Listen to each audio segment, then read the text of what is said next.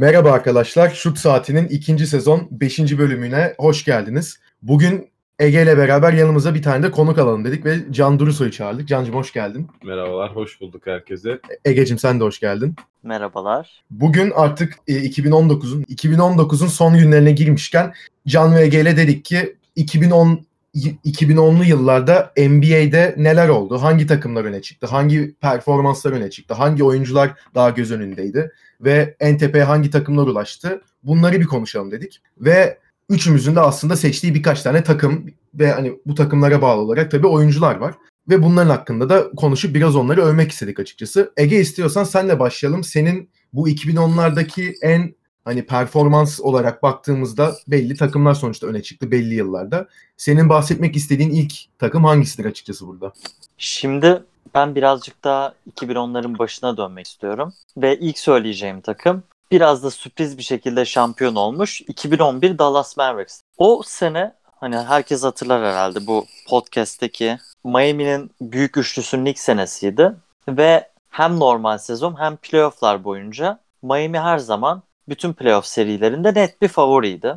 Buna rağmen o sezon çok da umut vaat etmeyen bir başlangıç yapmasına rağmen özellikle playofflarda gerçekten inanılmaz performanslar gösterip o sene şampiyon olmayı başarmıştı Dallas. 2011 Dallas Mavericks takımına baktığımız zaman herhalde dinleyicilerimiz de hatırlar. Nowitzki'nin hala prime'ına yakın olduğu zamanlardı. Yani 2006-2007 kadar belki atletik ve hızlı değildi ama 2011 belki de hani zeka olarak ve oyunu her türlü çözebilme yeteneğinin en üst seviyesine ulaştığı bir zamandı. Onun dışında da takım çok sağlam veteran oyunculardan oluyordu. İşte Tyson Chandler, Jason Kidd, Sean Marion, Caron Butler, Deshaun Stevenson. Çok oynaması da Peja Stojakovic. Ve bu oyuncuların da özellikle playofflarda her seride ve her maçta farklı bir iki oyuncunun performanslarını çok yükseltmesiyle 2011 sezonunda şampiyon olmayı başarmışlardı. Bu finaller daha çok LeBron'un kötü performansıyla hatırlansa da özellikle Nowitzki'nin kariyeri açısından bakarsak 2011 finalleri ve 2011 playoffları geneliyle bu onu belki de NBA efsaneleri arasında çok farklı bir basamağa yükseltti. Eğer şampiyon olmadan bitirseydi kariyerini Karl Malone, Charles Barkley gibi çok yetenekli ama şampiyon olamamış dört numaralardan biri olacaktı. Hatta Onun burada yerine... sözünü keseceğim. Üçüncü veya dördüncü maçtı tam hatırlamıyorum da Dallas'ın yani Miami'nin sahasında oynanan bir maçtı. Dallas'ın bayağı 25 sayıdan mı ne geri döndüğü bir maç vardı. Nowitzki de anormal bir oyun sergilemişti hatta orada. Hatta maçı kazandıran basketi de atmıştı. İşte 103-101 mi ne bitmişti maç. Ya orada zaten artık evet. hani o finali alıp ya o finali alacakları hakikaten o maçta belli olmuştu. Zaten ben de şöyle girmek istedim. Zaten playofflar boyunca Dallas taşıdı ve Dallas'ın sezonu yani Batı yakasını 3. bitirmesine rağmen şampiyonun yani önemli adaylarından biri değildi. Hatta ilk 2'ye ilk 3'e bile konulmayan bir adaydı. Ve çoğu maçını da yani çoğu serisini de o serinin favorisi olmadan yani Amerikanların deyimiyle underdog olarak oynadı ve bu olayda Nowitzki'nin aynı zamanda bu kazandığı şampiyonluğun çok daha değerini arttırdı. Çünkü 20 senedir olduğu takıma bir şampiyonluk hediye etmiş gibi oldu.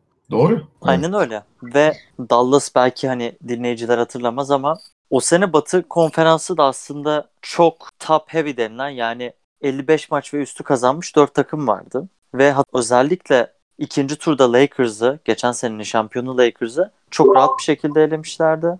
4-0 mıydı o sene? 4-0 evet. 4-0 elemişlerdi. Konferans finallerinde de son 3 maçta çok çok, çok keskin dördüncü çeyrek geri dönüşleri yapmışlardı. Ve Nowitzki belki kariyerinin en iyi serilerinden birini Oklahoma City'ye karşı oynamış. Aynen. Haklısın. Aynı zamanda OKC'nin de bu ilk finali olması lazım. İlk konferans finali olması lazım. Tabii, tabii. O genç nüvenin. Aynen. O yüzden onların tecrübesizliğinden de biraz yararlanmıştı. E tabii de kendisi de çok hakikaten prime'ındaydı. O çok zevkliydi ya onu izlemek. Tecrübe karşı gençlik, işte, yetenek serisi Orada olmuştu. orada bir tokat gerekiyordu canım ama işte. e, tabii. Yani o, o sene 55 maç kazanmış Oklahoma City'nin konferans finaline gitmesi de biraz şaşırtıcıydı. Çünkü San Antonio'nun da birinci bitirdiği güçlü bir sezonuydu ama turda Memphis'e elenmişti ve o biraz Oklahoma City'nin önünü açmıştı. Çok değişik bir sezondu ve 2010'ların en en underdog iki şampiyonundan biri olduğu kesin. 2019 Toronto ile birlikte. Ama bence hani böyle büyük sakatlıklar ve benzer şeyler olmadan kazanmaları onları bir adım öne de atıyor olabilir. Çünkü sonuçta Golden State en önemli 3 oyuncusundan ikisini kaybetmişti ve Dallas hatta kendi en önemli oyuncularından biri sezonu kapatmıştı Caron Butler o sene. O olmadan ona rağmen şampiyon olmayı başarmış diyorum. Ve Can Durusoy senin bu dönemde 2010'larda beğendiğin takımlardan biri hangisi? En iyi olarak gördün. Evet benim de o zaman biraz da sıraya göre gitmiş olalım. Ben de 2014 San Antonio'dan bahsetmek istiyorum. Abi 2014 San Antonio benim hani çok büyük yıldızlar topluluğu takımlar oldu. Miami ve Golden State gibi zaten onları da ileride konuşacağız ama benim kimyayı ve basketbolu en doğru oynadığını düşündüğüm ve kimyası en yüksek olan takım San Antonio'ydu. Aynı zamanda hani böyle kümülatif bir çaba vardı o takımda. Sadece bir yıldızın ya da bir iki oyuncunun daha sonrasında göreceğimiz gibi taşıdığı bir takım olmak yerine takımdaki herkesten verim alan, rotasyonun hepsini kullanan ve gerçekten çok doğru basketbol oynayan bir takımdı. Ve aynı zamanda da eski yıldızlarının sonuna, kariyerlerinin sonuna yaklaştığı bir dönemde yeni bir yıldız olan Kawhi Leonard'ın ilk çıkış serisiydi. Aynı zamanda takımın öncelikli oyuncularından biri değilken playoff'ta sorumluluk alıp gitgide playoff'larda büyüyüp ileride de belki bu kadar olmasa da büyük bir oyuncu olacağını sinyalini vermişti. Sen Ege ne düşünüyorsun bu takımın toplu kümülatif diye adlandırdığım toplu katkısından? Ya istatistiklere baktığımız zaman bu takımla ilgili o senin dediğin kümülatif katkı olayı çok net görülüyor.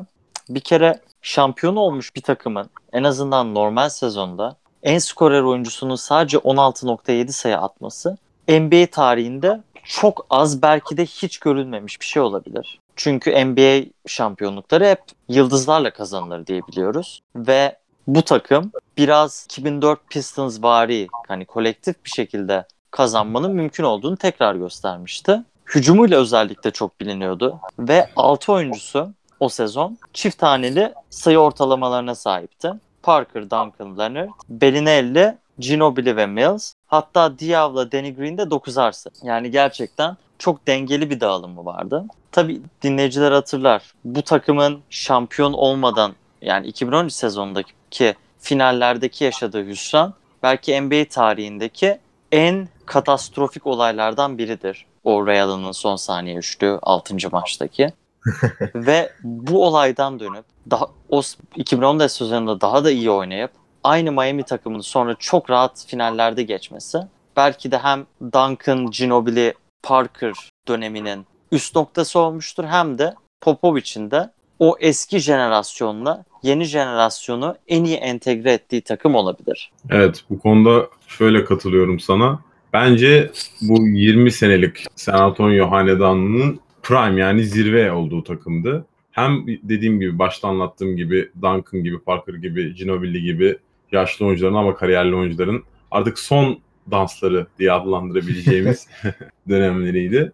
Ve dediğim gibi Kawhi Leonard'ın çıkışı.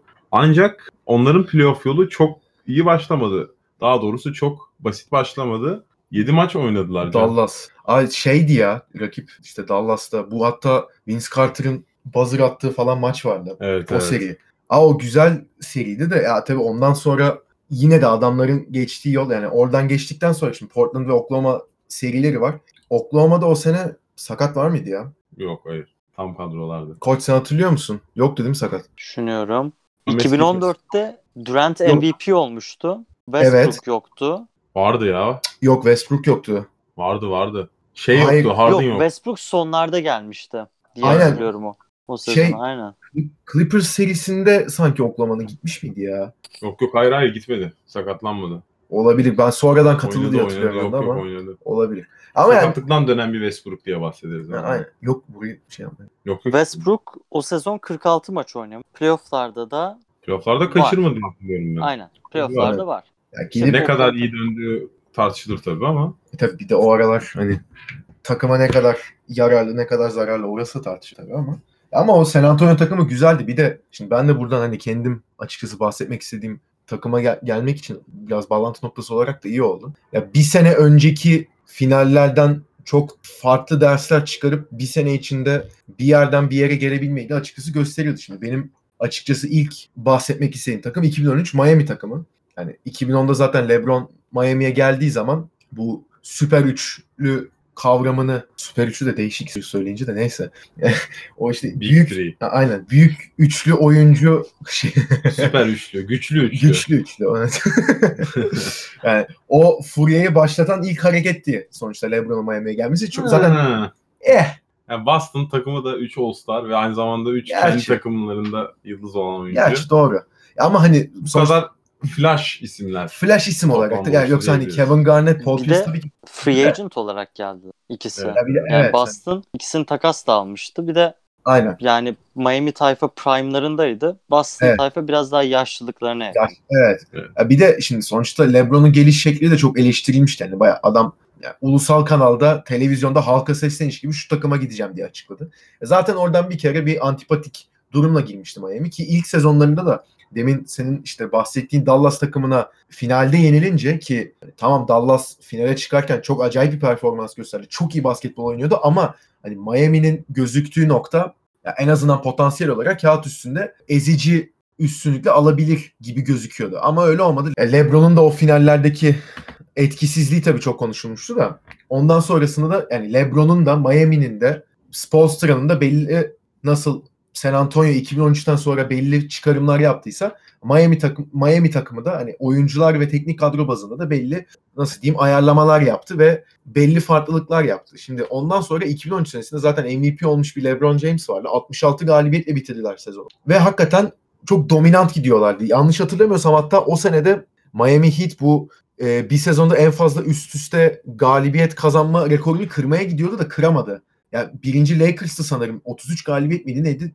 Miami 27'de kaldı diye hatırlıyorum. Yanlış olmasın. Miami hatta normal sezonda o kadar güçlü gözüküyordu. E playoff'a geldiklerinde de tabii normal olarak takımın kadrosundaki isimlere de baktığımız zaman yani şampiyonun açıkçası bir numaralı adayıydı herhalde desek. Çok da yanlış bir şey yapmış, çok da yanlış bir saptamada bulunmayız. Ki yani Batı konferansından zaten Oklahoma geliyordu. e, San Antonio geliyordu. Lakers o sene tabii farklı bir durumdaydı. E, işte Houston'ı, Denver'ı, Clippers'ı falan da girmişti ama hani açıkçası baktığımız zaman kağıt üstünde en güçlü gözüken aday Miami'ydi. Ki Doğu Konferansı da artık o hani güç kaybettiği dönemlerin yine ortasındaydı. Yani Miami Heat'in açıkçası playofflarda en azından NBA finaline kalan kadar olan kısımda öyle çok da zorlayacak bir takım yok gibi gözüküyordu ki zaten ilk Indiana turda dışında. Indiana dışında ha işte Milwaukee rahat geçtiler, Chicago'yu 4-1 ile rahat geçtiler. Sonra işte Indiana ile konferans finali oynadılar ki benim izlediğim açıkçası en iyi e, serilerden bir tanesiydi o. Paul George'un da çok çok acayip oynadığı bir seriydi hatta. Bir Hibbert'ın da. Aynen Hibbert da çok acayip oynamıştı. Hatta işte Paul George o seriden sonra hani bir hani yıldız yeni bir süper yıldız doğuyor şeklinde hep konuşmalara konuşmaların odağı olmuştu Paul George. Hakikaten çok iyi oynamıştı ama Miami orada tabii zorlansa da 4-3'le galip gelmeyi başardı ki orada açıkçası hani Miami'nin turu geçmesi bile önemli bir şey. Orada Indiana geçse finale belki Indiana tamam San Antonio çok daha farklı bir kültür. Çok daha işte bu sahneye alışık işte Tim Duncan olsun, Parker olsun, Ginobilis olsun, e, Popovich zaten. Ama yani Indiana oradan bir galibiyetle çıkarabilirdi. Çok iyi gidiyorlardı çünkü. Aynı onlar. zamanda maçların da ikiden fazlası kafa kafaya bitti ve iki tanesi Evet. LeBron'un son saniye, Evet. bir tanesi Paul George'un Evet. son saniye üçlüğüyle uzamıştı. Aynen aynen. Çok kafa kafaya bir seriydi. 2010'larda LeBron'la kafa kafaya oynayan ve en iyi oynayan ve onu yenmeye bireysel mücadele olarak diyorum. E tabii. En yaklaşan isimdi Paul George ama Ama işte orada hani Miami'nin de artık zaten 2012 şampiyonuydu. E normal sezonda da şimdi 27 galibiyeti üst üste alan bir takımdan bahsediyoruz. Artık hani bu taşların ne kadar oturduğunu da zaten anlatan bir durum. E ondan sonra da şimdi finalde San Antonio geldi. San Antonio zaten iyi oynuyordu. 58 galibiyetle bitirmiş o sezonu. E bir de sonuçta şimdi o bir Chris Bosh, Wade ve LeBron üçlüsü var bir tarafta. E diğer tarafta ama şimdi Kawhi o sezon yanlış hatırlamıyorsam rookie'di. Ama yani Kawhi'nin yanında sonuç olarak takımın hala lideri olan bir Tim Duncan var. e, Tony Parker var ve Ginobili var. Yani yaşları ne kadar ilerle, ilerlemiş olursa olsun. Ve takım olarak da çok farklı. Yani yine iyi gidiyorlardı. Zaten NBA finallerine çıkmaları açıkçası tesadüf değil de. Ki burada da hani baktığımız zaman zaten Miami bir kere ikinci maçı alıyor deplasmanda. Gayet iyi oynuyor ki orada da Miami'de en fazla sayı atan Mario Chalmers'mış. Bak ben de bunu bilmiyordum. O da enteresan. Chalmers'dan iyi katkı alıyordu. Ve ayrıyetten bu senin demin bahsettiğin o kırılma anı olan 6. maç. Yani Miami'nin kendi sahasında olan uzatmaya giden ve Miami'nin kazanıp 7. maça götürdüğü bir maç var. İşte Ray Allen'ın o son saniyede üçlük atıp uzattı. O da herhalde benim canlı canlı izlediğim bu LeBron James'in 2016 finallerinde arkadan koşup Iguodala'ya koyduğu blokla beraber en acayip hareketlerden bir tanesiydi.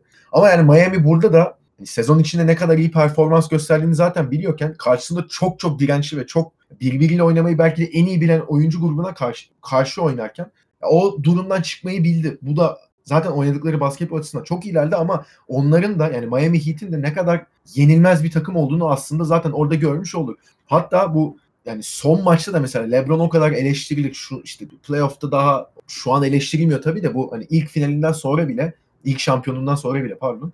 Hani playoff'ta oynuyor mu oynamıyor mu belli değil falan. E son iki maça baktığın zaman yani 32 sayı son maçta da 37 sayı attı LeBron ve 12 reboundla da bitirmiş. Yani LeBron James önderliğinde gerçekten o da yıkılması çok zor bir takıma dönüşmüştü Miami Heat ve gerçekten bu 2010'lara baktığımız zaman 2010'ların başında ya o kendi erasına hakikaten e, damga vuran bir takımdı o 2013 Heat'i. Aynen öyle. Aynı zamanda bence LeBron'un e, hep yani kariyerinde en çok eleştirildiği noktalardan biri clutch'ı yani kritik anlarda sorumluluk almaması, sorumluluk almaması ve aynı zamanda kritik anlarda en iyi oyuncu atar kültüründen gelen Kobe'den sonraki en iyi oyuncu olarak gelip bu kültürü biraz ters davranması ve e, kritik anlarda bazen belki de daha doğru şut olsa da Ray Allen gibi, Dwayne Wade gibi şütörlerini bulup Wade'e ne kadar şütör diyebiliriz o da ayrı ama olsun yine de. ama sonuçta biraz daha ağırlığını koyup özellikle bu clutch dediğim anlarda kendinin büyük oyuncu olduğunu tabii ki iyi bir oyuncu olduğunu herkes katılıyordu ama büyük oyuncu olduğunu ve şampiyonluk alan bir oyuncu olduğunu da ilk kez kanıtladığı sahne olmuştu 2013 playoffları. Zaten ilk şampiyonluğu. 2. 2012'de de Oklahoma'yı yendiler ya. O o zaman ikinci şampiyonluğu. aynen. Bir de abi o takımdaki şeyiydi son hani kapamadan. Ee, hani sen de bahsettin şimdi. Wade'le beraber oynuyordu. Abi Wade'le LeBron aslında baktığın zaman hani karakter olarak olarak hani birbirinin üstüne çıkabilecek tipler. Yani hani ikisi de bir takımın lideri olabilecek karakterde insanlar ki yani sonuçta LeBron gelmeden Miami'nin kralı zaten Wade'di ki hala öyle aslında. Hani Miami Heat'li taraftarların gözünde Wade bence hala daha yüksek bir mertebede. Orası değişmeyecek tabii ki ama ve o takımda LeBron James de hani NBA'in MVP'si olarak gel ol, bulunduğu takımda hani Wade'le beraber o sorumluluğu da bence paylaşabiliyordu. Hani sorumluluk alması gerektiği zamanlarda almaya başlamıştı. Artık onu da öğrenmişti ama hani bütün topu ben force edeyim. Bütün oyun benim üstümden dönsün çünkü ben bu takımın sahibiyim şeklinde de gezmiyordu. Hani Wade de, Wade'in de onun partneri olduğunu hatta bu takımda Bosch diye bir oyuncu var. Hani gerekirse onu da işin içine sokmaya çalıştığını gördüğümüz anlar da olmuş. O yüzden bence çok farklı bir yapıydı Miami. Ya ben de bir Miami Heat taraftarı olarak özlüyorum tabii. Yani yönetimden gerekli ta- transferleri Geliyoruz. bekliyoruz. Geliyoruz işte. Chris Paul'u alacağız şimdi. Ondan sonra yolumuz açık. Yani doğu zaten çok kapalı bir yol değil abi ama neyse ona yok, yok. sonra konuşuruz. Ona geliriz. Ben son olarak bir şey söyleyeceğim Miami takımı ile ilgili. Ee, 2012 ve 2013'te en çok değişen şey de sonuçta 2012'de e, daha genç ve aynı zamanda daha favori oldukları bir seriyi kazandılar ama 2013 San Antonio'ya karşı oynadıkları seri biraz daha ortada görünen bir seriydi. Evet. 2012'den sonra 2013'e geçtiğinde takım hem geçen seneki dar kadroya el- eklemeler yaptı. Zaten en önemli ekleme Ray Allen'dı ve şamp- şampiyonluğu getiren üçlüyü de attı. En azından şampiyonluğu kurtaran. Aynı zamanda Dwayne Wade de kariyerinde yarım adım, bir adım geriye gittiği bir dönemde topu gerektiği yerde LeBron'a bırakmayı da bildi. Çünkü o takım hatırlarsanız ilk playofflarında hani bu kritik anda kim topu kullanacak diye oyuncuların suratından belli oluyordu orada. Birbirlerine hala tam alışamadıkları tabii yeni bir takımdı ve iki tane hatta iki, üç tane egonun bir araya gelmesi ve topun bir top olması paylaşılması konusunda. E, Wade ile LeBron'un iyi arkadaşlığı da burada bence devreye girdi. Çünkü iki, E, tabii. iki büyük oyuncunun bir topu böyle iyi paylaşabilmesi başarılıydı. Başarılıydı. Güzeldi. Bu dönemin en önemli takımlarından biri olan bu LeBron'lu Wade'li Miami'nin de 3 fit yani 3 sene üst üste şampiyon olma hayallerini de bitiren aslında 2010'da birçok takımın 3 kere üst üste şampiyon olma hayalini bitiren Kawhi Leonard'ın yıldızlaştığı 2014 finallerinde de bence bu Miami'yi yenmesi bu bu kadar formda fiziksel olarak belki oyun zekası olarak tam zirvede olmasa da fiziksel olarak zirve LeBron ve yanında iki tane All-Star'ı yenen San Antonio'nun başarısı da o yüzden bence bir tık daha değer kazanıyor. Siz ne dersiniz? Benim San Antonio so- o 20 yılın en iyi San Antonio'su tezime katılıyor musunuz beyler? Koç sen ne düşünüyorsun? Ben katılıyorum dediğine. Çünkü San Antonio'nun işte Tim Duncan'ın draft edildiği dönemden beri kadrolarına bakarsak özellikle şampiyon oldukları 2003 ve 2005 kadroları 2014 kadrosuna göre çok daha dar ve çok daha özellikle Duncan'ın yeteneklerine bağlı birmiş. Yani mesela 2003 şampiyonluğunda hat bayağı rahat kazanmışlardı Nets'e karşı. Ve o takımda peakinin peakinde bir Duncan, kariyerinin son senesinde bir David Robinson, daha birinci, ikinci senelerin, senelerinde olan Ginobili ve Parker, çok çok çok yaşlı bir Steve Kerr ve birkaç tane daha yine rol oyuncusu vardı. Hani şimdi 2010'larda düşününce Robert Horry var mıydı orada ya? Robert Horry 2005 2007'de vardı. Ha tamam. Mr. Big Shot. Oraya da ben de buradan selamlarımı yollamak istiyorum Robert Torre'ye. Bizi dinliyordur diye düşünüyorum. Ben ben Robert Horry. Rob- Robert Horry'nin imzasını almış. Bir de fotoğrafımız var beraber. E, çok iyi. Bir Sen de NBA Box'la etkinliğinde. basket. Abi benim Maxi Box'la eleme oynadık abi. Nakat oynamıştık. Evet işte şut saati programının NBA ilişkileri de gördüğünüz gibi. Dünyaya açılıyoruz ya. Evet. Basketboluna yön veren bu üçlü. İşte ya San Antonio'nun ama 2000'lerin özellikle sonlarına doğru siz de hatırlarsınız. Sanki 2007 şampiyonluğundan sonra bir düşüş dönemi başlamıştı. Ve 2011'de ilk turda gidince onlar tabii çok büyük bir skandal olmuş için. Ama sonra hem belki de 2010'ların daha sonra da konuşuruz diye düşünüyorum. Bu bölümde olmasa da. 2010'ların belki de en büyük soygun takasında o işte Kawhi yani o 2011 draft olması lazım. 15. sıradan seçildi. O zamanki yedek oyun kurucuları George Hill'e karşılık vermiş. Şimdi Pacers için de iyi verim verdi aslında kısa vadede. Çünkü cuk diye oturdu o takıma ve sizin de bahsettiğiniz Miami takımlarını zorlayan Pacers'ın ana adamlarından biriydi. Evet. Ama yine de geleceğin MVP adaylarından ve Finals MVP ve özellikle o iki finalde 2013 ve 14'te LeBron'u inanılmaz iyi savunan Kava'yı bir yedek oyun kurucu için alabilmek çok önemliydi. Ondan sonra da yine San Antonio'nun yaptığı işte Boris Diaw çok önemli bir hamleydi bence. Patty Mills hala oynuyor. Abi Ve- 2014'te Boris ya inanılmaz oynuyordu ya. Yani Evet yani Thiago Splitter hala elit yani elit demesek de iyi bir rol oyuncuydu. Evet. İşte Bellinelli ve Ginobili gibi şutörler. Hani Ginobili'nin de çok çok aşırı da yaşlanmamıştı. Parker da Prime'ının son bölümlerindeydi. Yani yine de efektif bir oyuncuydu. Duncan da benim hatırladığım o senelerin birinde veya 2016 bile olabilir. All NBA First Team almıştı. Yani yine de hala o da gayet iyi bir oyuncuydu.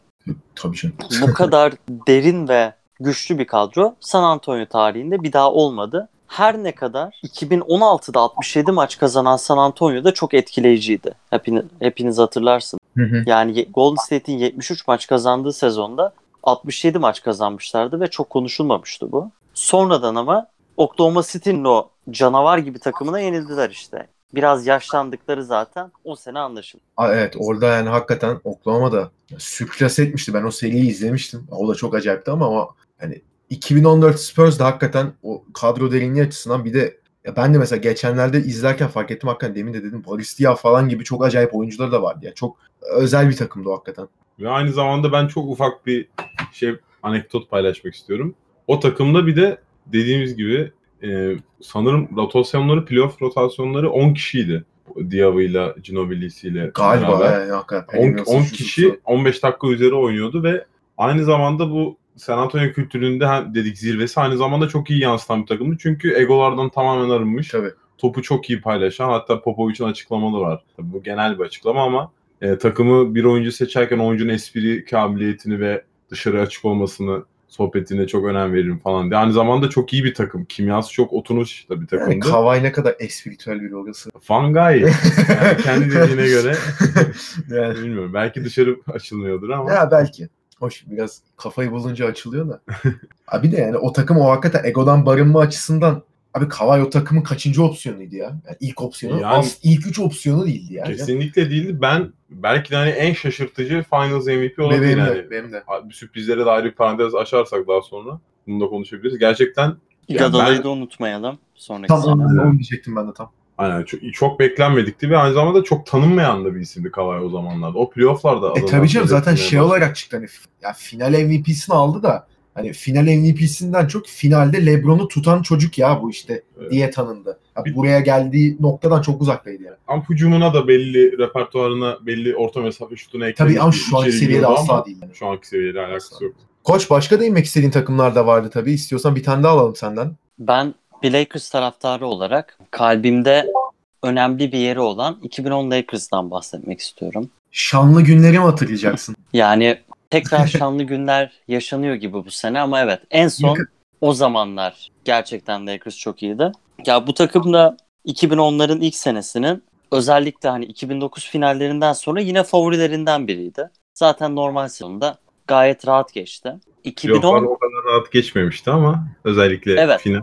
Evet yani 2008 iki- 2008 finallerinden sonra birçok insan 2009 finallerinin de Boston Lakers rövanşı olduğunu, olacağını düşünüyorlardı. Sonra Garnett sakatlandığı için Orlando bir anda finale çıkıvermişti. Ancak 2010 senesinde Garnett geri döndü ve Big Three Celtics doğuda, Lakers da batıda. Playoff'ları da aslında hani süper iyi geçmemişti 2010 Lakers. Yani o sene Oklahoma City Thunder'ın Durant'lı Westbrook'lu takımına karşı beklenmedik derece zorlanmışlardı. O zaman Harden, işte Westbrook, Durant 23, 22, 21 yaşlarındalardı yani çok gençlerdi. Ve onların Lakers'ı zorlaması biraz aslında hani bu takım bu işi başarabilecek mi, halledebilecek mi kaygısını yaşattı insanlara. Ancak ondan sonra özellikle konferans yarı final ve finallerinde iyi performanslar sergilediler. Ben Phoenix serisine özellikle konferans finallerini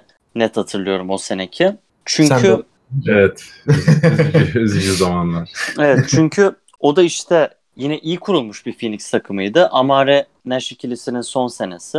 Zaten hani ikinci turdan bahsetmeyeyim bile çünkü Lakers o dönem neredeyse her sene Utah'la playoff'ta karşılaşıyordu ve hep kazanıyordu. Ama Ve maç bile Phoenix biraz evet işte Phoenix'e karşı biraz zorlansalardı finale çıktılar ve Celtics'le efsanevi den, denmez belki ama güzel bir seri geçirdiler 7 maçlık. Alt, ilk 6 maç kafa kafaya gitti bir iki blowout harici. 7. maçta da Kobe beklenmedik derecede berbat bir performans göstermesine rağmen o dönem Ron Artest diye bilinen Meta World Peace Bey o 7. maçta inanılmaz bir performans göstermişti ve kurtarmıştı o sezonu. Bu sezon ve bu şampiyonluk özellikle Kobe'nin legacy'si için bence çok önemli oldu. Bir şampiyonluk sayısı 5'e çıktı ve Shaq'ı geçmiş oldu. O onun için tabii önemli, Önemli. bir motivasyondu. Direkt şampiyonluğu aldıktan sonra basın toplantısında mı demişti? Shaq'tan bir Evet. tane falan diye. Aynen.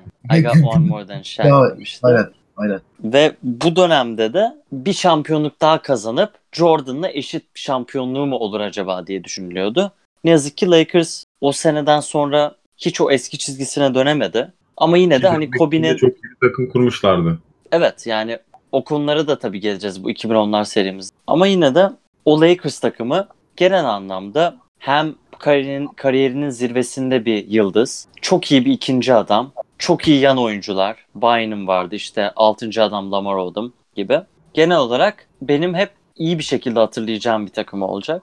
Ve Saşa tabii o takımdaydı değil mi ya? Farmar'la beraber. İki kritik faal atışı atmıştı finalde. evet? Evet. Efes'e geldiler ya Yedinci beraber. maçta. Aynen. Abi bir de orada ben çok unutulan bir faktörü söyleyeceğim. Ee, bir yandan da Phoenix taraftarı olduğum için belki de kuyruk acım olarak da aklımda bulunuyor ama Meta World Peace'in 7. maçta Boston'da attığı üçlük o playofflardaki tek kritik sayısı değildi. Ee, Phoenix serisinde 5. maçta çok kafa kafaya get- e, giden bir seride maç uzatmaya gitti yanlış hatırlamıyorsam. Ve uzatmada Kobe'nin game winner'ı airball olmuştu. Yani çembere değmemişti. O çembere değmeyen topu ucun bir bandalıp tamamen Ronaldo de buzzer beater atmıştı yani ve maçı Hakikaten. kazandırmıştı. Ben hatırlamıyorum onu. Ve o maç gerçekten Phoenix geriden gelmişti. Ee, Steve Nash, ona da buradan selamlar. Eski bir hayran olarak. Ee, Steve Nash'in gerçekten tek başına çevirdiği bir maçtı ve Artest'in o attığı üçlük gerçekten serinin dagger'ı yani seriyi koparan basketlerden de biri oldu. Çünkü dediğim gibi üçlük, üçlük müydü o yoksa sanki Abi, Kobe, Kobe- attı o rebound'u Yok. alıp Aynen. tamamlamıştı Kobe gibi. iki kişi üzerinden fadeaway denedi. Airball oldu. Hatta Ron Artest'e reboundu da Steve Nash vermişti. Orada uyumuştu. Ee, hücum reboundu alıp tamamladı. Elinden çıktığı anda da bitmişti zaten süre ve çok kritik bir 5. maç galibiyetiyle 3-2 öne geçirmiş seri. Sonra zaten 6. maçta Kobe Bryant e, Fişi çekti. dünyanın en iyi oyuncusu olduğunu göstermişti o zaman. Gerçekten çok acayip bir maç oynamıştı. Ben de canlı izlemiştim. Küçük bir heyecanlı bir Phoenix taraftar olarak ilk kez NBA finallerine mi yaklaşacağız derken Kobe Tutmadı. Bryant yok demişti. Gerçekten mükemmel bir maç oynamıştı. O iki tane el üzeri attığı Hatı- Onları hatırla çok acayip. inanılmazdı. Çok şey. yani kariyer zirvelerinden biriydi ya o herhalde. O. Ben o maç gibi çok az acayip maçını hatırlıyorum. Yani bu 80'lik maçı 2010'larda olmadığı için iki tane Grant'in üzerinden attığı şut var ki maç sonrası Phoenix koçu Alvin Gentry'de hani yapacak bir şey yok. O Kobe Bryant dünyanın en iyi oyuncusu ve bu seriyi aldı diye bir açıklama yapmıştı. Buradan da Selam Mamba'ya da selam olsun. Selamların sayısı arttı ama İnteraktif radyo gibi. aynen öyle. Şimdi tabii bütün bu önemli takımlardan bahsettik ama yakın basketbol tarihini değiştiren bir takımdan bence bahsetmemiz gerekiyor. E, tam ona girecektim ben. Aynen Can sen e, biraz bize 2017 Golden State'ten bahsedebilir misin? Abi 2016'da bir kere şimdi 73 galibiyet alıp normal sezon rekorunu kırmış bir takım vardı ve hani bu takım yani aslında baktığımız zaman 2017 Golden State'in ne kadar özel bir yapı olduğunu zaten hani 2016'nın değil 2017 takımının hep bahsedilmesinden anlayabiliyoruz. Yani sonuçta rekoru kırmış bir takım değil, bir sonraki sene kurulmuş ve şampiyon olmuş takımdan hep bahsediliyor. E şimdi Golden State 2017 sezonu bir kere 67 galibiyetle bitirdi zaten. San Antonio da o sene 61 kazanmış yine bayağı. Sen hep Golden State'in gölgesinde Evet kaldı. hep o Hep unutuluyor yani. Ve tabii şimdi o sezona girilirken şimdi 2016 finallerinde kendi sahalarında son maçı verip 4-3 kaybettikleri bir final vardı. Yani daha doğrusu hatta 3-1'den verdikleri bir seri vardı. Ben de o hani canlı izlemiştim o seriyi. Yani benim izlediğim herhalde en keyifli NBA finallerinden biriydi bu 2010'lar. Yani diğerlerine bak. Kesinlikle San. Antonio Miami de çok keyifliydi de bu herhalde top noktasıydı. E şimdi 3-1'den seriyi vermeleri, LeBron'un orada hani çıldırmış gibi oynaması. Hani üst üste iki maç 41 attı zaten. E son maçta da LeBron yine triple double'la bitirmişti. E Kyrie son maçta üçlüyü yolladı. El- 48 saniye kala. Zaten öyle kazandılar. E Kevin Love kendi işine kendi üzerine düşen işi çok iyi yapıyordu. Artık o da iyice oturmuştu. Hani biz önceki 2015 senesinde Kevin Love da Kyrie de yoktu bu takımda. Hani Golden State o sene kazandı evet ama yani ne kadar eksik bir Cleveland vardı onun da hani Timofey Mozgov'la işte Delavadova'yla falan oynuyordu. Yani o takımı yenmişlerdi. Ve 2016 senesinde de böyle bir hezimet yaşayınca 2017 senesinde elden 2000, yani 2016 senesinin yazında 2017 sezonuna gelirken bir fırsat geliyor ellerine ve Kevin Durant'i katıyorlar. Şimdi NBA'de MVP olmuş ve tarihin belki de gördüğü en acayip skorerlerden birini kadroya katma şansı varsa 73 galibiyet almış bir sezon önceki bir takımın. E şimdi ortaya çok farklı bir iş çıkıyor ki Durant'in ilk geldiği sezonda hani bu takım olmayacak. Ee, işte Curry mi kullanacak, Clay mi kullanacak, e Draymond kuruyor oyunu, o mu tutacak? E Durant tek başına kendi başına mı oynayacak? E daha Iguodala var, işte West var, Livingston var. Yani kim kimle oynayacak diye konuşuluyordu. Hatta sezonda yanlış hatırlamıyorsam San Antonio'da 30 yiyerek girmişlerdi. Aynen. Baya kendi sahalarında 30 sayı atmıştı San Antonio. Ama onun üstüne tabii işler öyle gitmedi. Ve hani bence tarihin en nasıl diyeyim insanüstü oyununu sergileyen takım ortaya çıktı. Yani o takımın hakikaten bu takım yenilmez denilebilecek kalibrede olan benim gözümdeki bir numaralı takımdır. Yani top trafiğine Durant'in o kadar iyi katılması. E sonuçta Harrison Barnes vardı bir sene önce. Yani Harrison Barnes'ın aslında yaptığı şeyi yapıyordu ama daha iyisini yapıyordu. Yani mantık olarak. E, yine top gelince topu bekliyordu. Aldığı zaman e, atıyor üçlü. E, no, sıkıntılı anlarda eline topu veren iyi oyuncu. Yani Ama- Rıdvan Dilmen yorumu olarak Tabii, alıyor aynen. mu alıyor, Heh, veriyor mu veriyor. Tabela bencil, yapıyor. Bencil mi değil Bencil de değil. diyerek özetleyebiliriz. Harrison Barnes da iyi çocuk ama.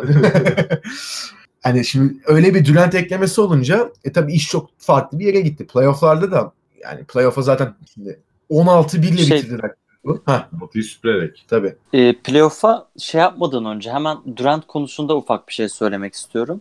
Ya hatırlar insanlar 2016'da 70 milyon dolar olan salary cap 2017 sezonu için 94 milyon dolara çıkmıştı. Ve bu NBA tarihinde görülmüş açık ara en büyük yükselme. Önceki rekor bir sezonda 8 milyon dolar artmasıymış. Evet. Ve salary cap hani 2005'ten sonra bayağı stabil izlemiş neredeyse 7-8 sene. Ve bundan sonra bir anda o salary cap patlamasının olmasıyla ve Curry'nin düşük kontratı sayesinde Durant'i alabilecek yere sahip olmuştu. Abi milyonda birdi ihtimal ya işte. Yani Ya milyonda şey, bir ihtimal oldu. Her tek- şey oldu çünkü yani. e, bu sezonu şeyle karşılaştırıyorlar genelde. 1995 sezonundan 96 sezonuna da bir tane önemli salary cap yükselişi olmuş. Orada da salary cap 15 milyondan 23'e çıkıyor. Yani neredeyse %50 artmış. Bu %50 artıştan sonra tarihteki en büyük yükselişti ve pür değer olarak yani neredeyse 25 dolarlık 25 milyon dolarlık bir artış demek. Salary cap anlamında yani %30'dan 35'ten fazla bir oranda bu. Abi bir, bir elit oyuncu demek işte ya aslında.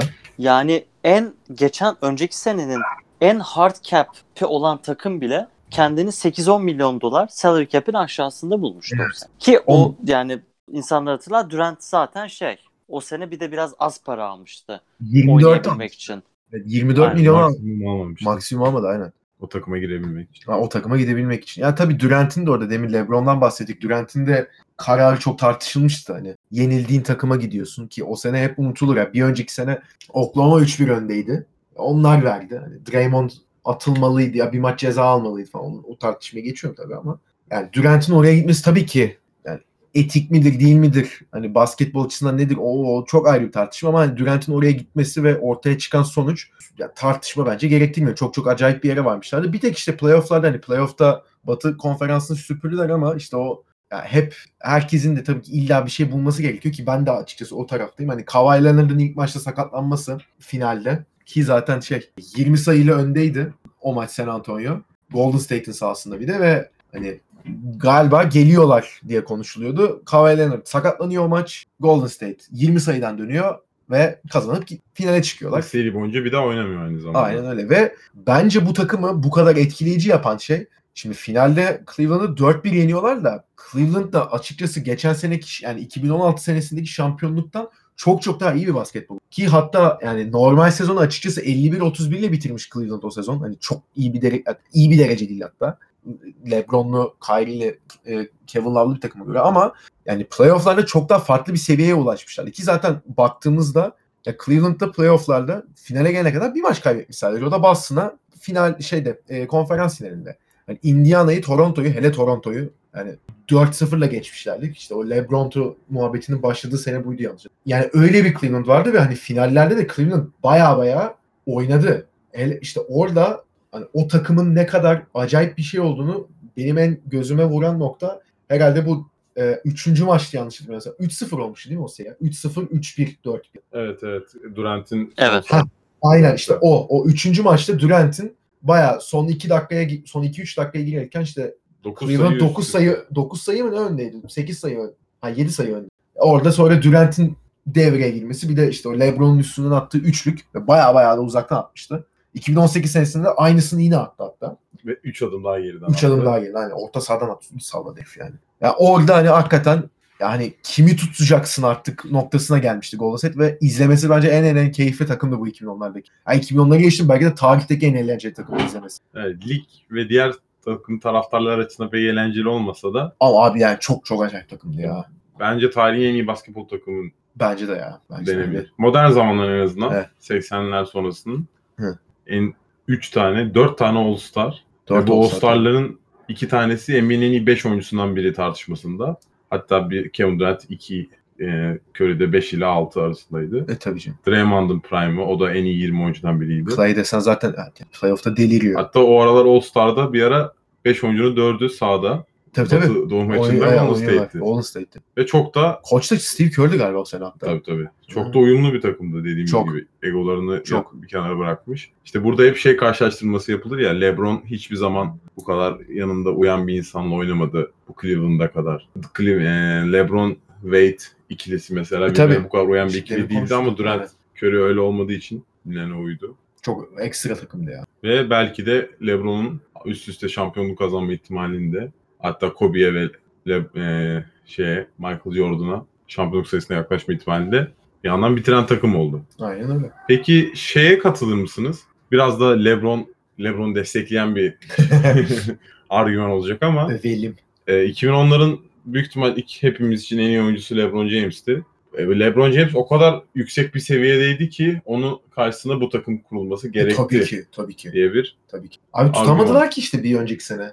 O hani Kyrie ile beraber 41 attıkları maç. işte Draymond'un oynamadı. Ya çok özel maç ya. Ki onun üstüne gelip hani hakikaten bir daha içeride 41 atıyor. Hani ne yapıyorsun? ha? Yani onu tutamayacağını anlayınca zaten hani ne yap tamam bu herifi tutamıyorsun. Elimizde böyle bir opsiyon var. İşte getirdiğin adam da Durant yani. Ki Harrison Barnes kalsa Durant gelmese LeBron bir daha yenerdi bence onu. bence Ya o çok 2000 fark yarattı. Zaten 2017 senesindeki Cleveland hakikaten çok farklıydı ve bu sefer böyle 4-3 falan değil. 4-1, 4-2 ile geçerdi bence. Hani yine çünkü full sağlıklı gitmişlerdi. İşte işin içine Durant gelince. Ya koç sen katılıyor musun buna? Ya tabii hani biraz spekülasyon oluyor. E tabi. E, eğer hani LeBron olsa yani LeBron Durant'siz bir Golden State'e karşı oynasaydı kazanırlardı diyerek ama en azından hani 2015'ten 17 finallerine kadar LeBron'un Cleveland'ı kesinlikle o Golden State'le çok iyi mücadele etti. Hani sadece 3'te 1 yapmış olabilir ama ben 2017 konusunda hani Barnes olmasa Barnes olsa Durant olmasa konusunda o kadar emin değilim ama 2015'te Love ve Irving'in sakatlığı olmasa bence Cleveland'ın kazanma ihtimali Golden State'ten daha yüksekti. Ve hani 2017'de o dediğiniz dördüncü maç performansı benim gerçekten hani NBA finaller tarihinde bir takımın gösterdiği en iyi performanslardan biri. Yani o Golden State takımını ancak böyle yenebildi herhalde. Ve o sene hani Golden State Lakers'ın rekorunu kırdı. 2001 playofflarındaki 10 15-1 gitmişti Lakers. Çünkü o zaman ilk tur 3 maç kazanan geçiyordu. Ve hakikaten hani o takımın playoff performansını geçebilmek, prime'ında bir Shaq Kobe olan bir Lakers'ı geçebilmek ancak böyle bir takıma la mümkün olurdu diyorum. Ve hani 2017 Warriors'ı da konuşurken tabii hani 2016 Cavs'e de bence bir değinmek lazım. Siz ne düşünüyorsunuz hani 2016 Cavs'in şampiyonluğa ulaşan öyküsüyle ilgili? ben bence o Cleveland e, LeBron'un ayrı bir seviyeye ulaştığı bir takımdı. LeBron James tabii. LeBron Ya o, o sezon da ilginçti. Mesela David Blatt kovulmuştu. evet. evet. Fok balığı gelmiş. Aynen. E, Ty Lue gelip işte o dönem yine bazı özellikle soyunma odasında sıkıntılar yaşanıyordu. Ve bu sıkıntılar hani playoff'taki o momentumla beraber unutulmuştu. Çünkü 2017 ve sonrasında olacak bu Kyrie'nin benim kendi takımıma ihtiyacım var. Hani LeBron'la olmuyor, sürtüşüyoruz muhabbetleri o dönemler başlamıştı. Geri zekalı. Yani Böyle onun abi. onun bu durum ya o durumlara rağmen finallere kadar nispeten rahat gelmişlerdi bence. Yani o dönemler özellikle Toronto'ya karşı çok büyük bir üstünlükleri vardı ve LeBron. LeBron'un belki de 2013 harici çünkü hani 2016'da ne kadar inanılmaz olsa da ve sonra 2018'de de 2013 Miami'nin hani fiziksel olarak en azından yarım tık altındaydı. Ama belki oyun zekası olarak bir tık önde olduğu için o iki performans da LeBron'un peak'i olarak görülebilir. Ben bu konuda tam olarak katılmıyorum sana. Bence 2016 evet 2013'te fiziksel olarak peak yani zirve noktasıydı ama 2016'da o artık oyununun tamamen oturması, Abi hakikaten ya. hani nerede ne yapacağını çok iyi bilmesi, hakikaten hani sanki bir bilgisayar oyunu oynar gibi ne zaman penetre etmesi gerekiyorsa penetre ediyordu. Ne zaman e, potaya gitmesi ya da ne zaman arkadaşlarını bulması gerektiğini çok iyi biliyordu. Aynı zamanda nerede sorumluluk alacağını da çok iyi biliyordu ve tüm kariyeri boyunca en çok eleştirilen yönü olan üçlük performansı da inanılmaz seviyelere ulaşmıştı. Hatta o seneden şöyle bir istatistik hatırlıyorum. Shaq'in en iyi playoff serisinde tutturduğu boyalı alan yüzdesinden daha yüksek bir yüzdeyle oynuyordu ki bu hani fiziksel olarak evet aynı seviyede değil Miami ile ama ne kadar doğru oynadığını ve hala fiziğinin ne kadar kuvvetli olduğunu zaten şu an 35 yaşına geldi hala fiziğinden çok büyük bir eksilme yok ama olduğunu görebiliyoruz ve üçlük yüzdesi de %40'ların üzerindeydi ki bu gerçekten çok keskin bir şütör ortalamasıydı. O takım Bu şeyden playoff'tan mı bahsediyorsun bu arada? evet evet playoff'lar. E tabii tüm sene değil Evet. playoff. Yani çünkü normal sezon olarak 2013'te böyle absürt işte %56 şut, %40 üçlük falan gibi hani kariyerinde bir daha asla özellikle üçlük olarak bu rakama yaklaşamamıştı normal sezonda ama senin de dediğin gibi hani playoff performansı olarak belki de en iyisi 2016. Evet şey Ve- konusunda katılırım bu arada. Sözünü kestim pardon. 2013 normal sezonda da çünkü çok daha diriydi ve e, gücünü şimdiki yaptığı kadar saklaması gerekmiyordu. Aynı zamanda buna ihtiyaç da duymuyordu. O konuda çok haklısın. 2013 sezon boyunca çok dominanttı. Hatta bu %80'le oynadığı bir Şubat ayı vardı yanlış Abi hatırlamıyorsam. a- absürt bir şey vardı Hani öyle ya. artık e, PlayStation'da oyun Ka- oynarken yani. böyle şeyler olur ya e, şey milestone'lar olur ya şunu şu kadar yap şunu bu kadar yap diye o ay %80'le oynadığı saçma sapan da bir ay vardı. Ama dediğim gibi 2016 playofflarında çok farklı bir seviyedeydi ve zaten onlar da Golden State gibi neredeyse hiç zorlanmadan Doğu'yu domine ederek gelmişlerdi. Ve o senede ilk iki turu maç kaybetmeden geçtikten sonra ki ikinci turda bir önceki sene 60 galibiyet almış kariyerinin zirvesinde olan oyunculara karşı bir yani iyi bir Atlanta'ya karşı çok rahat 4-0'la geçmişlerdi. Sonra konferans finallerinde Toronto'ya 4-2 her, her sene olduğu gibi LeBron'to yine devredeydi. Ve sonra finale geldiler ve finale geldiklerinde de Golden State'in bu kadrosunun 73-9 olmasından dolayı tabii ki asıl favori Golden State'ti. Ancak Stephen Curry'nin de zaten sonra Steve Curry'nin de açıklaması bu rekoru uğraş kırmak için takımımızı çok yorduk açıklaması yapmıştı. Evet. Stephen Curry'nin de evet yani hiç Finals MVP kazanmamadığından dolayı ben özellikle çok eleştiririm ama orada fiziksel olarak da %100 olmadığı bir durumdaydı. Ama yine de onun seriye çok iyi başlamıştı. Ya Curry kim canım? Ender Arslan daha iyi.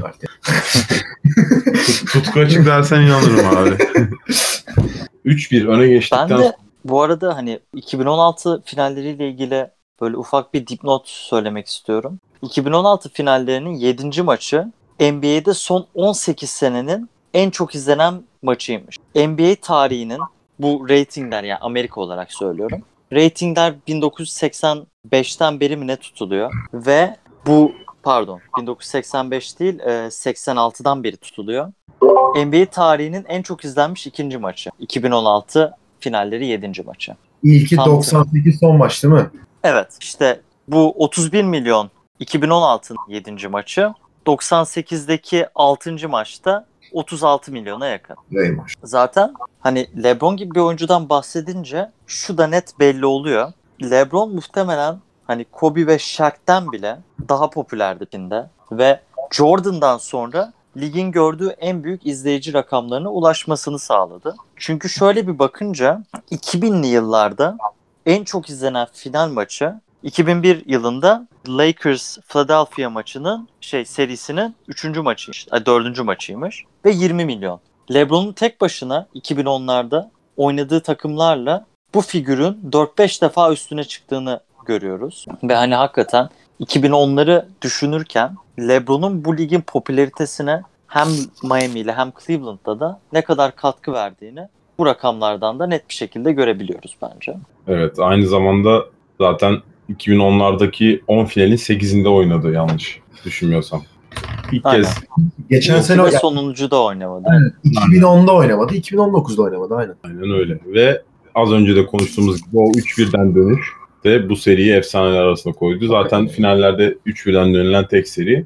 Aynı zamanda LeBron James'in seri sonunda 5 ana istatistikte yani sayı, asist, rebound, top çalma ve blokta hepsinde serinin en yüksek rakamlarına ulaşması da ortalamalarına seri boyunca da çok ayrı bir noktaydı Şey yani. muhabbeti vardı galiba. Kaybetse de ona vereceklerdi MVP E, diye. Verilmeliydi bir topun Muhabbet vardı o zaman. yani 7. maça Evet. kadar gitti. sayıda reboundda asiste ve top çalmada blokta aynı zamanda bu herhangi bir seride de yapılmış bir şey değildi. Bunu 3-1'den dönülen final serisinde yapması da gerçekten LeBron'un kariyerinde hani şu an en iyi oyuncu GOAT olma hedefinde de Oraya çıkaran argümanlardan Ha, oraya- oldu. oraya Onu çıkaran çok farklı şey. bir seviyeye çıkardı. Aynen öyle. Kobe'den daha az mesela şampiyonluğu var ama Kobe'nin önünde gösterir ki bence de. O finalinde çok büyük etkisi var bence. Aynen öyle. Ve Kyrie Irving'in de Kafasının çalıştığı zamanlar. Evet çünkü bir, biri tarafından yönlendirildi. Evet. Takımın ikinci Evet. oyuncu olduğu zaman ne kadar özel bir skorer olduğunu da Tabii. O seri boyunca görmüştük gerçekten. Kevin Love da Chris Bosh gibi 3. yıldız olarak daha rebound ve savunma ağırlıklı oynayarak o takıma katkı vermişti. Aynı zamanda takımın diğer şütörleri de J.R. Smith gibi, Iman Shumpert gibi hepsinden de ufak ufak Richard Jefferson almıştı. oynuyordu ya. Richard Vay, Jefferson oynuyordu yani. da bayağı iyi oynuyordu. Dellavedova, Channing Frye. Dellavedova yok. Var mıydı ya? Vardı vardı süre almıyordu. Doğru. Şey vardı 2017 finalleri miydi o? Darren Williams bir ara İnanılmaz kötü oynamıştı ya. O 2017'ydi aynen. 17 değil mi o da? Ee, o yani benim gördüğüm hani role player'dan emekliliğe gitti adam 3 maçta. Hiç sayı atamamıştı sanırım yanlış hatırlamıyorsam. Ya hiç Dedim. sayıdan ziyade Şişmandı ya o ara. hem Beşiktaş'tan şişmandı Yok. hem de özellikle finallerde böyle %10'la falan mı ne şut attı? Bu ama sonraki sene değil mi? 2017 senesi. Evet. 17'de evet. Onu da Ya- hani buyout'tan almışlardı. Belki bir şey verebilir diye. Tabii canım işte bu Isaiah yok pardon o sırada Isaiah yoktu o sonraki sene. Ama hani şey LeBron bana yedek oyun kurucu lazım falan modunda geziyordu. Sürekli çıkıp hatta her gün yapıyordu. 2016'dan sonra Dellavedova'yı Gitti. Bucks mı kapmıştı? Kim evet almıştı o Bucks zaman? kaptı. Bucks aldı. Aynen. Bucks kaptıktan sonra o sezon özellikle bir eksiklik görmüşlerdi. Darren Williams'ı da yanlış hatırlamıyorsam Dallas demek istiyorum. Salmıştı o sene. O Mo Williams'ı falan düşünmüşlerdi ya. Mo Williams Hatta- hatta, başlıyordu başlarda. Evet Sonra- evet. 7. maçta bir turnikesi var. Boş turnikesi. Sonuçta adamın bizden iki sayı daha fazlası var NBA'de. Mo Williams da gerçekten hani bir Mario Chalmers olmasa da gerektiğinde çok kısa sürelerde birazcık sorumluluk alıp savunma yapıp aynı zamanda güvenilir bir el olarak da o takımla ufak Eh. da olsa katkıda bulunmuştu. En azından Darren Williams'tan çok daha güvenilir oynamıştı. Darren Williams'ın 5 sayısı varmış o seride bu arada. To- total seri. Total evet 5 sayı. 12 %11 üçlük %12 sağ içi isabetiyle. Zaten ondan sonra bitti kariyeri. Nerede şu an onu bile bilmiyorum yani. Emekli Bak- abi. Kaç senedir. Bıraktı değil mi? Ama O değil de Kenneth- Kenneth Farid Hala- Fener'e geliyor şu an. öyle mi? evet. Ha Oraya- evet gördüm. Çin'de salmışlar onu. Mermo. Parazit gibi girdim öyle e- eski şeyleri konuşuyoruz. Hmm. Gelmesin ya. Yani bir Türk basketbol sever olarak güzel olur. Hem Efes hem Fenerbahçe'yi tekrar playoff playofflarda görmek ve sonra da Final Four'da ama, Ama duygular ağır basıyor değil mi? evet. Aynı zamanda Türk Ligi'nde de bir Golden State, Cleveland gibi Efes, Fenerbahçe son 4 senedir, 5 senedir mi ne final oynuyor. Orada takılıyorlar. Yok bir ara Tofaş çıktı da. Ha, bir ara Tofaş çıkmıştı ama son senelerde çok dominant iki Dur takım neyse çok konuyu saptırmıyorum. Koç sen bir şey diyordun. Ya kısaca hepimiz şuna karar verdik herhalde. 2010'ların en iyi takımı 2017 Golden State'ti. Ama özellikle 2010 ve 11'deki basketbol tarzı ve o dönemin iyi takımlarıyla 2018'deki 19'daki takımları karşılaştırmak bile çok zor bence. Yani NBA tarihinde belki bu kadar kısa sürede hiç böyle büyük bir oyun değişimi olmamıştı. Ve bu hani ne kadar Golden State inanılmaz bir takım olsa da hani şunu da hatırlamak lazım. Golden State'in ve daha öncesinde 2013-14 Spurs'un başlattığı bu basketbol akımı şu an hala daha dominant ve devam eden tarz işte üçlük, pace and space, top paylaşımı gibi. O yüzden hani 2017 Warriors hem takım olarak çok iyiydi hem de bu tarzın da en iyi temsilcisi olarak benim gözüme çarptı. Peki o zaman kapamadan size son bir soru soracağım. Sizce bu hani geçen seneyi ve bu seneyi düşündüğümüz zaman tabii bu senenin daha yarısına bile gelmedik ama hani sizce mesela 10 sene sonra bakıldığı zaman mesela 2019 Toronto'da çok iyiydi ya veya ne bileyim işte 2020'de şampiyon olmuş işte takım kim olursa Lakers olur, Clippers olur. Ne? Sizce böyle bir potansiyel olan takım var mı bu sene? Veya geçen seneyi düşündüğümüzde. Ne olarak anlamadım. Ya hani 10 sene sonra geri dönüp bakıldığında bu takım da çok iyiydi ya diyebileceğim. Mesela hani nasıl 2013 Miami'ye işte 2010 Lakers'ı şu an konuşuyoruz ya. Atıyorum 2025 senesinde de geri dönüp bakıldığında ya işte 2019 Toronto çok acayip bir takım. İşte 2020 Miami işte Miami diyorum. Miami olur keşke umarım o ayrı da. Hı. 2020 Milwaukee benim gördüğüm en acayip takımlardan biriydi falan diye gö- potansiyelini gördüğün takım var mı? Bu sene biraz ya şöyle Milwaukee ve Lakers şu anki performansları devam ederse hani 70 maçın üstünde kazanacak. Tabi devam edemez muhtemelen ama en son iki konferansta da bu kadar iyi başlayan takım 70 maç ve üzeri kazanacak pace'te ligin dörtte biri bitmişken 1997 sezonunda olmuş. O zaman da Utah ve Chicago finale çıkıyor ve işte Chicago 69 maç mı ne kazanıyor? 72 maç kazandıkları sezondan sonra ve şampiyon olmuşlardı o sezon. Yani diğer takımda Utah yine 60 küsur maç kazanmıştı. ve o takımlarda genel olarak tarihin en iyilerinden biri olarak görülüyor. Şimdi ben hani Milwaukee'den ziyade Lakers'ın özellikle veya Clippers'ın bu sezon daha ilerledikçe Kawhi, George ve işte kalan oyuncularının daha iyi bir sinerji yakalamasıyla birlikte 2020'lerin all-time takımlarından biri olarak sıyrılabileceklerini düşünüyorum. Özellikle Los Angeles'ın iki takımı. Ben de Çünkü sana abi evet yani çok sık görülmemiş bir yıldız kombinasyonları var. Belki Kobe, Shaq veya Wade, LeBron hani o civarlarda bir ikiliye sahip Lakers ve Clippers. O anlamda ben öyle bir şekilde görülebileceklerini düşünüyorum. Evet abi ben de son olarak şey ekleyeyim. Ben de katılıyorum sana bu durumda. Ee, geçen sene Toronto'nun şampiyonluğundan sonra bu sene artık 3 yıldızın bir takımda görmedik. Ee, bütün takımlar ikili kendi Big Two'larını artık Big Two mu denir? Süper ikili o. bu sefer olmadı. İkililerini kurdu. İşte bunun anlattığın iki takımda zaten çok önemli iki örneği var. LeBron James'de Anthony Davis ve Paul George'da Kawhi.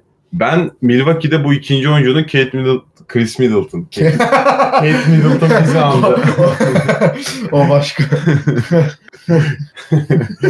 Chris Middleton olamayacağını düşünüyorum. Ama bu e, 2010'lu seneleri bitirip 2020'lere geçerken şimdilik 3 senaryo görünüyor. Bir, Kawhi Leonard'ın iyi kariyerini ve iki final MVP'si, iki şampiyonluğuna bir şampiyonluk daha eklediği ve legacy'sini e, güçlendirdiği, en iyi oyuncu olma yolunda LeBron'dan yavaş yavaş tacı aldığı bir senaryo mevcut. LeBron'un son dansı diyebileceğimiz Lakers'ta bir ila iki şampiyonluk alıp kendisinin gelmiş geçmiş en iyi oyuncu olma yolunda Michael Jordan'a karşı güçleneceği bir senaryo mevcut. Ya da benim daha mümkün olarak görmediğim artık yeni 2020'lerin yeni yıldızı olan olabilecek potansiyel olan yani Antetokounmpo'nun devrine başlayabiliriz ama dediğim gibi bu anlattığım nedenden Kate değil Chris Middleton ve diğer rol oyuncularının yeteri kadar e, Yannis'i desteklememesinden dolayı ben çok iyi bir normal sezon takımı olsalardı playoff'ta aynı başarıyı göstereceklerini düşünmüyorum. Ama Abi işte Belki- orada... Ha sen söyle tabii. Ee, söyle abi. Prince William ve neyse devam edelim. Kraliyet Prens değişecek diyorsun. abi yani ben şeyi düşünüyorum. Çok haklısın o konuda da abi ama bu sene mesela şampiyon olursa da Milwaukee Dükü kralı devirecek. Abi o yani Milwaukee bu sene de şampiyon olursa bence de hani ya Yanis de tek başına yani tek başına tabii ki hiç tek başına şampiyonluk diye bir şey yok zaten de. İyi ve derin bir kadroları Ya var evet ama ama hani 2011 Dallas'a benzemiyor siz- mu sizce de biraz? Hani takım yapısı. Bayağı bir önemli benziyor. yıldız. biraz Evet. daha gençler. Bunun dışında Evet. evet. Yok doğru yani hani nasıl 4 şu an ya abi hakikaten tek başına şampiyon yaptı. Yani şu an hani Hı hı. 10 sene öncesine baktığımız zaman 9 sene öncesine öyle deniyor. Tabii ki tek başına yapmadı. Yanındaki ka- parçaların ha, Jason Terry'nin ne halde olduğunu zaten o seride 3 kaç tane üçlük atıyordu. Sean Marion şusu busu çok çok katkı veriyorlardı cidden. Jason Kidd. Jason Kidd zaten de. Yani ama sonuçta öne çıkan bir isim vardı ve o şampiyonlukla özdeşleşen isim o. Yani bu sene de Milwaukee bunu yaparsa ve bu sene olmasın seneye yapsın. Evet işte Yanis'in o şansı var. Yanis de öyle olacak. için. O yüzden hani Yanis'in öyle bir şansı var ki bence alır umarım ya. Evet. Umarım alır. Komşuda Se- severiz Yanis'i ya. komşunun doğma büyüme Yunanistanlı çocuğu Yanis'in bir şampiyonluğunu görmek Los, istedim. Los Angeles'a gitmesin ya bak böyle fakir fukaradan gelen adam kazansın. Ha. Halka daha çok hitap eden halkın kahramanı diyorsun. Ve son bir şey ekleyeceğim. Bu sene Toronto'nun şampiyon olduğundan sonra da e, yeni şampiyonların, yeni hikayelerin de aslında ne kadar lige yeni bir hava kattığını ve ligin havasını değiştirdiğini demeyelim ama hani lige yeni bir boyut kattığını da ve çok keyifli olduğunu da eklemeden E, tabii canım. edemeyeceğim. Tabii, kesinlikle. Koç eklemek istediğim şey var mı abi? Ee, yok sadece dinleyicilere şunu hatırlatalım. Ne? Bu 2010'lar serisi hani yeni yıla kadar devam edecek ve hem Can Durusoy hem başka konuklarla işte 2010'ların en iyi takasları, en iyi bireysel performansları, en iyi koçları, en büyük soru işaretleri hani mesela Oklahoma City Harden'ı takas etmeseydi ne olurdu gibi soruları cevaplayacağız. O yüzden herkes bizi dinlemeye devam etsin ve Can Durusoy arkadaşımıza da katıldığı için teşekkür ederiz. Aynen teşekkür ederiz. beyler, ben- Ağzına sağlık. Evet beyler ben de davet ettiğiniz için teşekkür ederim. Zaten keyifle de dinliyordum sizi. Çok keyifli oldu. Çok teşekkürler. İki marka isimle bu programı yapmak. Podcast Dünyası'nın önemli iki ismiyle. Milyonlara seslendim. Benim çok keyifli bir an oldu aynı zamanda beyler. Hepinize teşekkür ederim. Demek ben, biz teşekkür ederiz. Evet Ege'nin de dediği gibi zaten yayınlarda devam, devam, devam edeceğiz bu formatta. Ege zaten demin güzelce açıklamasını yaptı. Bundan sonraki artık konuğumuzu da zaten bu podcast'tan sonra konuşuruz ve yine çok uzatmadan yani yakın zamanda yeni bölümü de çekeriz. O zaman ikinize de çok teşekkürler beyler. Ağzınıza sağlık. İkinci sezonun beşinci bölümünden şimdilik hoşça kalın. İyi bakın kendinize. Dinlediğiniz için teşekkür ederiz. Beğenip paylaşmayı unutmayın. Diyor muyuz abi bunda? Yoksa Hadi diyor muyum Diyelim. oldu? diyelim olsun. Böyle böyle kapatalım. Herkes 5 arkadaşını önerse bizi. Hoşça kalın. Hoşçakalın. Hoşçakalın.